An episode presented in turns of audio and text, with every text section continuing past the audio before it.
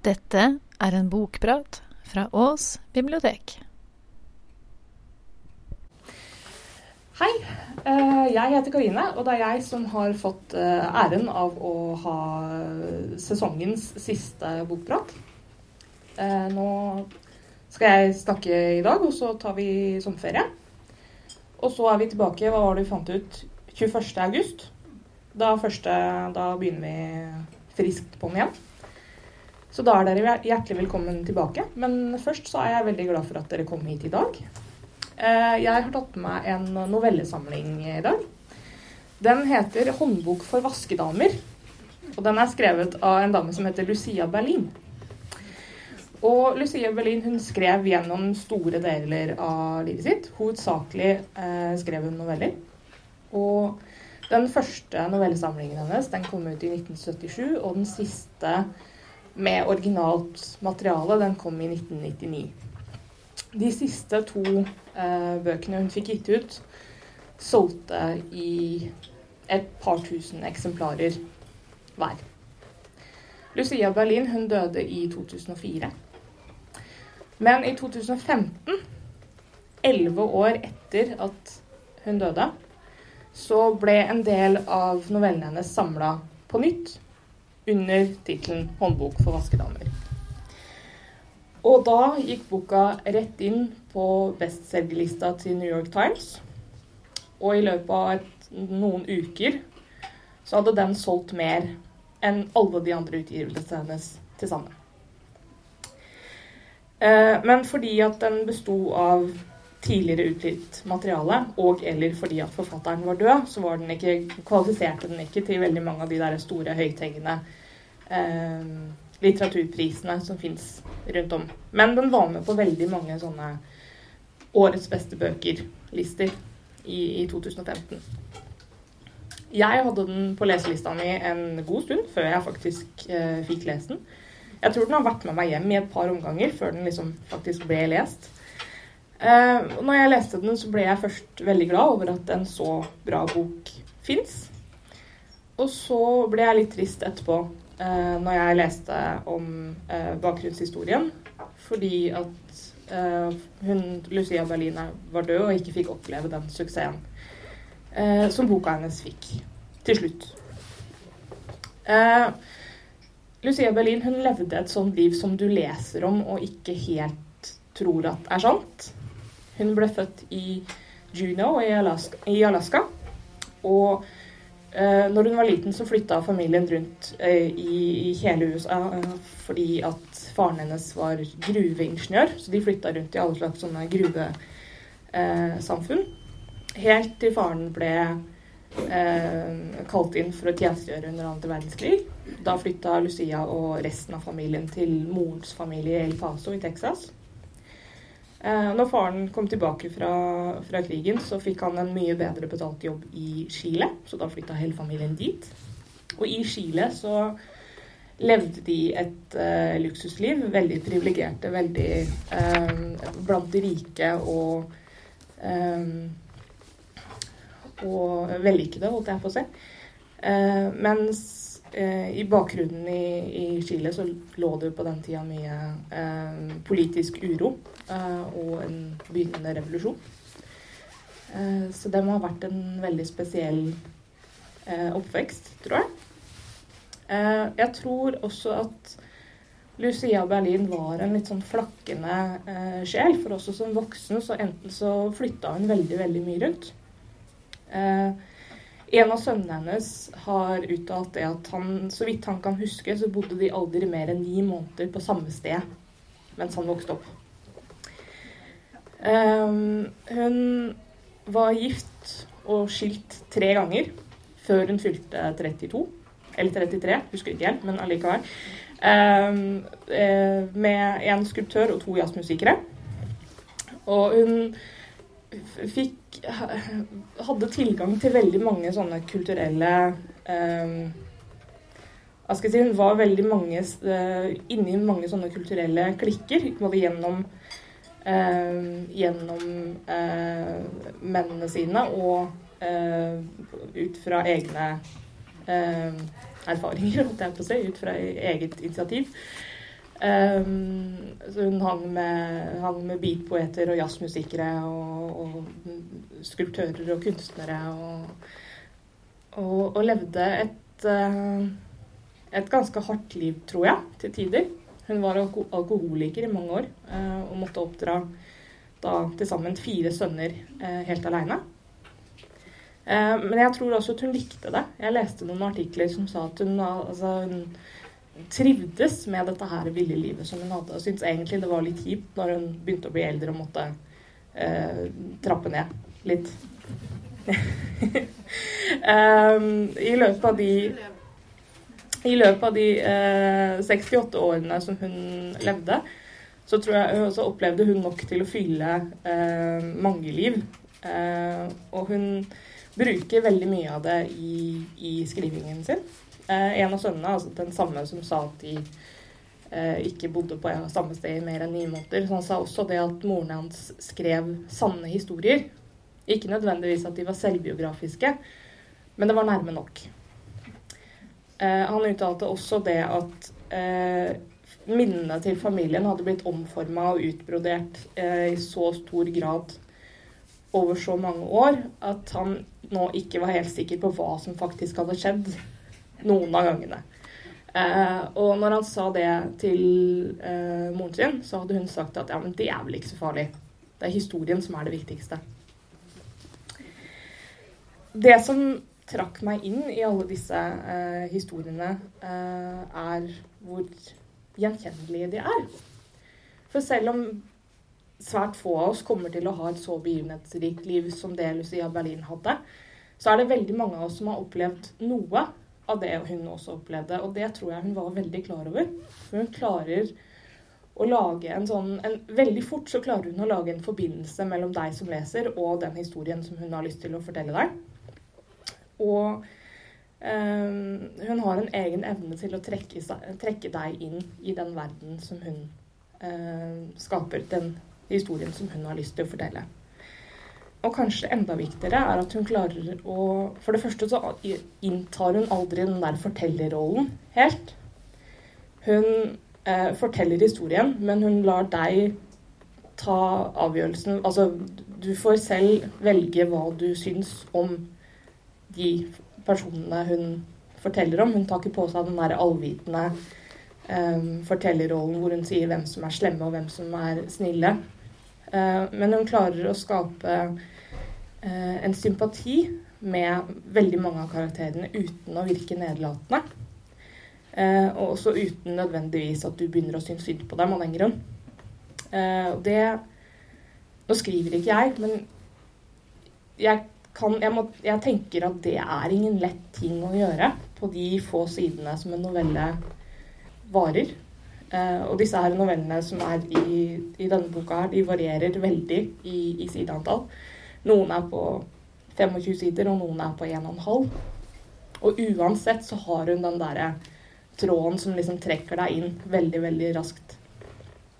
Uh, og det uh, tror jeg vitner om et talent av de sjeldne. Så jeg er litt lei meg for at det ikke kommer mer. Eh, at hun ikke har mulighet til å skrive flere, flere, noveller, flere bøker. Men jeg er også veldig glad for at det som er her, eh, er her. Sånn at vi kan eh, få glede av det, alle sammen.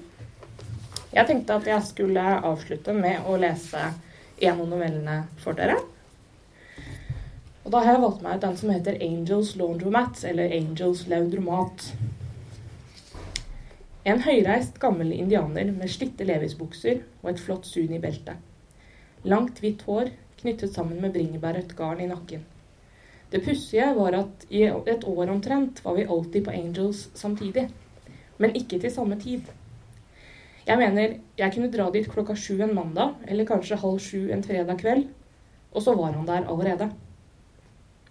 Det hadde vært annerledes med Mrs. Armitage, selv om hun også var gammel. Det var på San Juan Laundry på 15th Street i New York. Puertoricanere, gulvet fullt av flommende såpesko. Jeg var ung mor den gangen og vasket bleier hver torsdag morgen. Hun bodde over meg i 4C. En morgen på vaskeriet ga hun meg en nøkkel, og jeg tok den. Hun sa at om jeg ikke så henne en torsdag, så var hun død. Og kunne jeg ikke være så snill å gå og finne henne? Det var en fryktelig ting å be noen gjøre, pluss at jeg da også ble nødt til å vaske klær på torsdager. En, hun døde en mandag, og jeg dro aldri tilbake til San Juan. Vaktmesteren fant henne. Jeg vet ikke hvordan. I flere måneder på Angels snakket jeg ikke med indianeren. Men vi satt ved siden av hverandre i de gule plaststolene som hang sammen som på en flyplass. De skled på den opprevne linoleumen, og lyden gjorde vondt i tennene. Han pleide å sitte der og drikke Jim Beam og se på hendene mine. Ikke rett på dem, men i speilet tvers overfor oss, over Speed Queen-maskinene. Til å begynne med plaget det meg ikke. En gammel indianer som stirrer på hendene mine i det skitne speilet, mellom gulnede, stryking 1 dollar 50 dusinet og selvlysende oransje sinnsrobønner. Gud gir meg sinnsro til å akseptere det jeg ikke kan forandre. Men så begynte jeg å lure på om han kanskje var fiksert på hender. Det gjorde meg nervøs. At han så på mens jeg røykte, snøt meg og bladde i årgamle ukeblader. Lady Bird Johnson på vei ned elvestryket.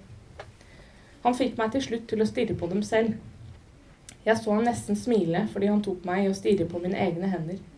For, første gang, for første gang møttes blikkene våre i speilet under 'ikke ha for fullt' i maskinene.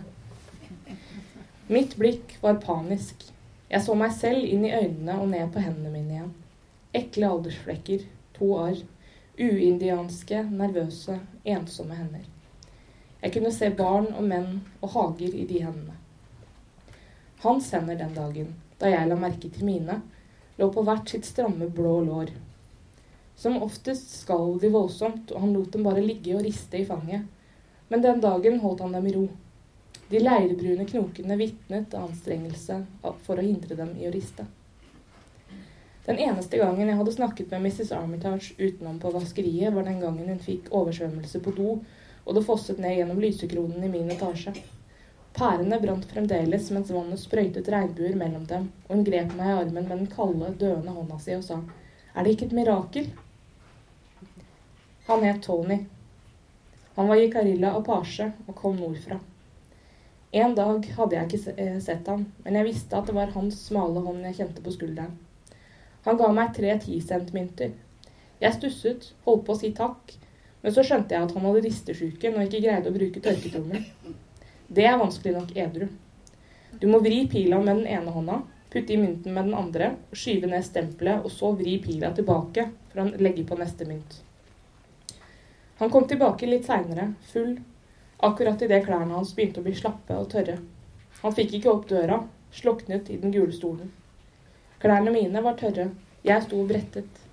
Angel og jeg fikk Tony inn på gulvet på strykerommet. Varmt. Det er Angel som står bak alle AA-bønnene og, mot og mottoene. Én slurk er en slurk for mye. Han la en kald, våt, enslig sokk på pannen til Tony og knelte ved siden av ham. Tro meg, bror, jeg har vært deg selv, langt nede i grøfta der du er. Jeg vet akkurat hvordan du har det. Tony åpnet ikke øynene. Enhver som sier at han, vet, at han vet akkurat hvordan andre har det, er et fjols. Angels Laundromat ligger i Albuquerque i New Mexico, på Fourth Street. Slitne butikker og skraphandlere, bruktsjapper med feltsenger, esker fulle av enkeltstokker og 1940-utgaver av Good Hygiene. Kornutsalg og moteller for elskere og fylliker og gamle damer med hennafarget hår som vasker klærne sine hos Angels. Pur unge gifte chicanas bruker også angels. Håndklær, lårkorte rosa nattkjoler, bikinitruser der det står 'torsdag'. Mennene deres har blå overhaller med navn brodert i løkkeskrift på lomma. Jeg liker å sitte og vente på at navnene skal dukke opp i speilbildet av tørketromlene. Tina, Corky, Junior. Det kommer ofte reisende til Angels. Skitne madrasser, rustne barnestoler surret fast til taket av bulkete gamle Buicker. Bunnpanner som lekker vannsekker som lekker, vaskemaskiner som lekker. Mennene sitter ute i bilen uten skjorte og kryster bokser med Hams øl når de blir tomme. Men det er likevel mest indianere. Pueblo-indianere fra San Felipe og Laguna og Sandia. Tony var den eneste av parsene jeg noen gang traff, på vaskeriet eller noe annet sted. Jeg liker å liksom skjele mot tørketromlene fulle av indianerklær, uskarpe virvler i lilla og oransje og rødt og rosa. Jeg bruker angels. Jeg vet ikke helt hvorfor. Det er ikke bare pga. indianerne. Det ligger på den andre siden av byen for der jeg bor. Det er et vaskeri bare et kvartal unna på universitetsområdet. Aircondition, myk rock i bakgrunnen. New Yorker, Miss og Cosmopolitan. Konene til de vitenskapelige assistentene går dit og kjøper Zero-sjokolade og cola til ungene sine. Det henger et skilt der, slik de gjør i de fleste vaskerier. Farging strengt forbudt. Jeg kjørte byen rundt med et grønt sengeteppe til jeg kom til Angels og det gule skiltet hans. Mer farge i tilværelsen? Her kan du farge så mye klær du vil. Jeg så at det ikke ble dyp lilla, bare mørkere, grumsete grønt. Men jeg ville tilbake likevel. Jeg likte indianerne og klesvasken deres. Den ødelagte colaautomaten og gulvet som var fullt av vann, minnet meg om New York. Puertoricanere som tørket og tørket. Telefonautomaten der var alltid i ustand, akkurat som hos Angels. Ville jeg ha gått for å finne Mrs. Armitage død en torsdag. Jeg er høvding i stammen min, sa indianeren. Han hadde bare sittet der, nippet portvin og sett på hendene mine. Han fortalte at kona vasket hos folk. De hadde hatt fire sønner. Den yngste hadde tatt livet av seg. Den eldste var død i Vietnam. De to andre kjørte skolebuss. Vet du hvorfor jeg liker deg? spurte han. Nei. Fordi du er en rød hud. Han pekte på ansiktet mitt i speilet. Jeg har virkelig rød hud, og nei, jeg har aldri sett en rødhudet indianer. Han likte navnet mitt, uttalte det på italiensk. Lucia. Han hadde vært i Italia under andre verdenskrig, og ganske riktig hang det et identitetsmerke blant de vakre halskjedene i sølv og turkis. Det hadde et stort søkk. En kule? Nei, han pleide å tygge på det når han, var, når han var redd eller kåt. En gang foreslo han at vi skulle gå og legge oss i campingbilen hans og slappe av litt sammen.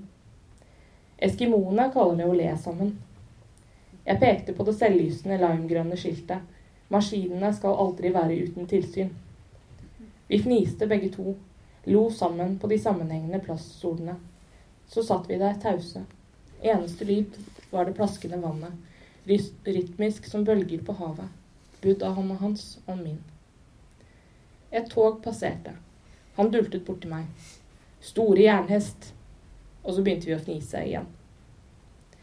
Jeg skjærer ofte folk over én kam uten grunn, som at alle svarte liker Charlie Parker.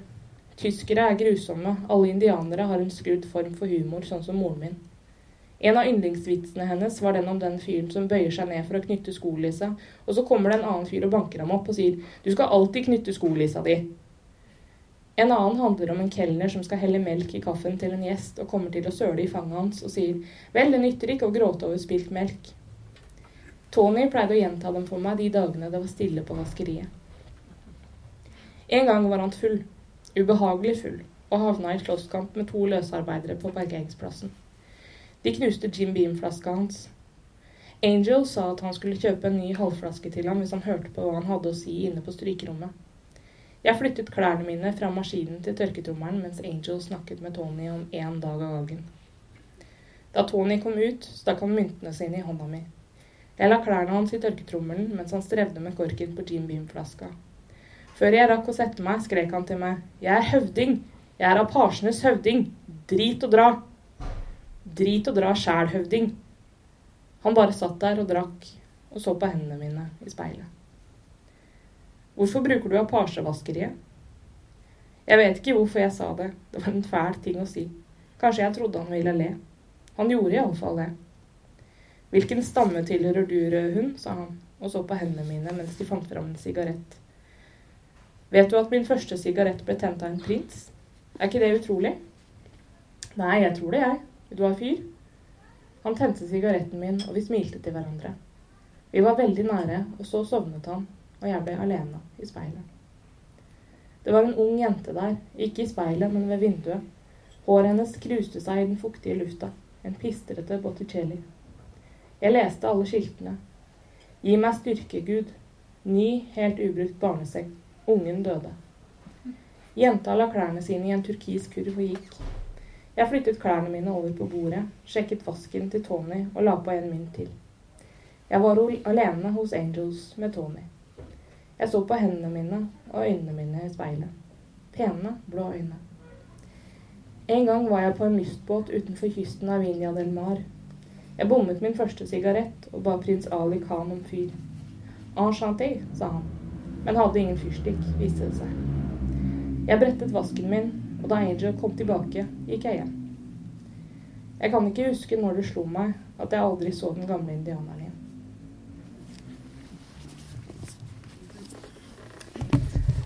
Det var det. Det var Lucia, en liten smak av uh, Lucia Berlin. Um, takk for meg. God sommer. Vi ses 21. august. Skal ikke vi klappe for det? det må dere selvfølgelig også gjerne gjøre.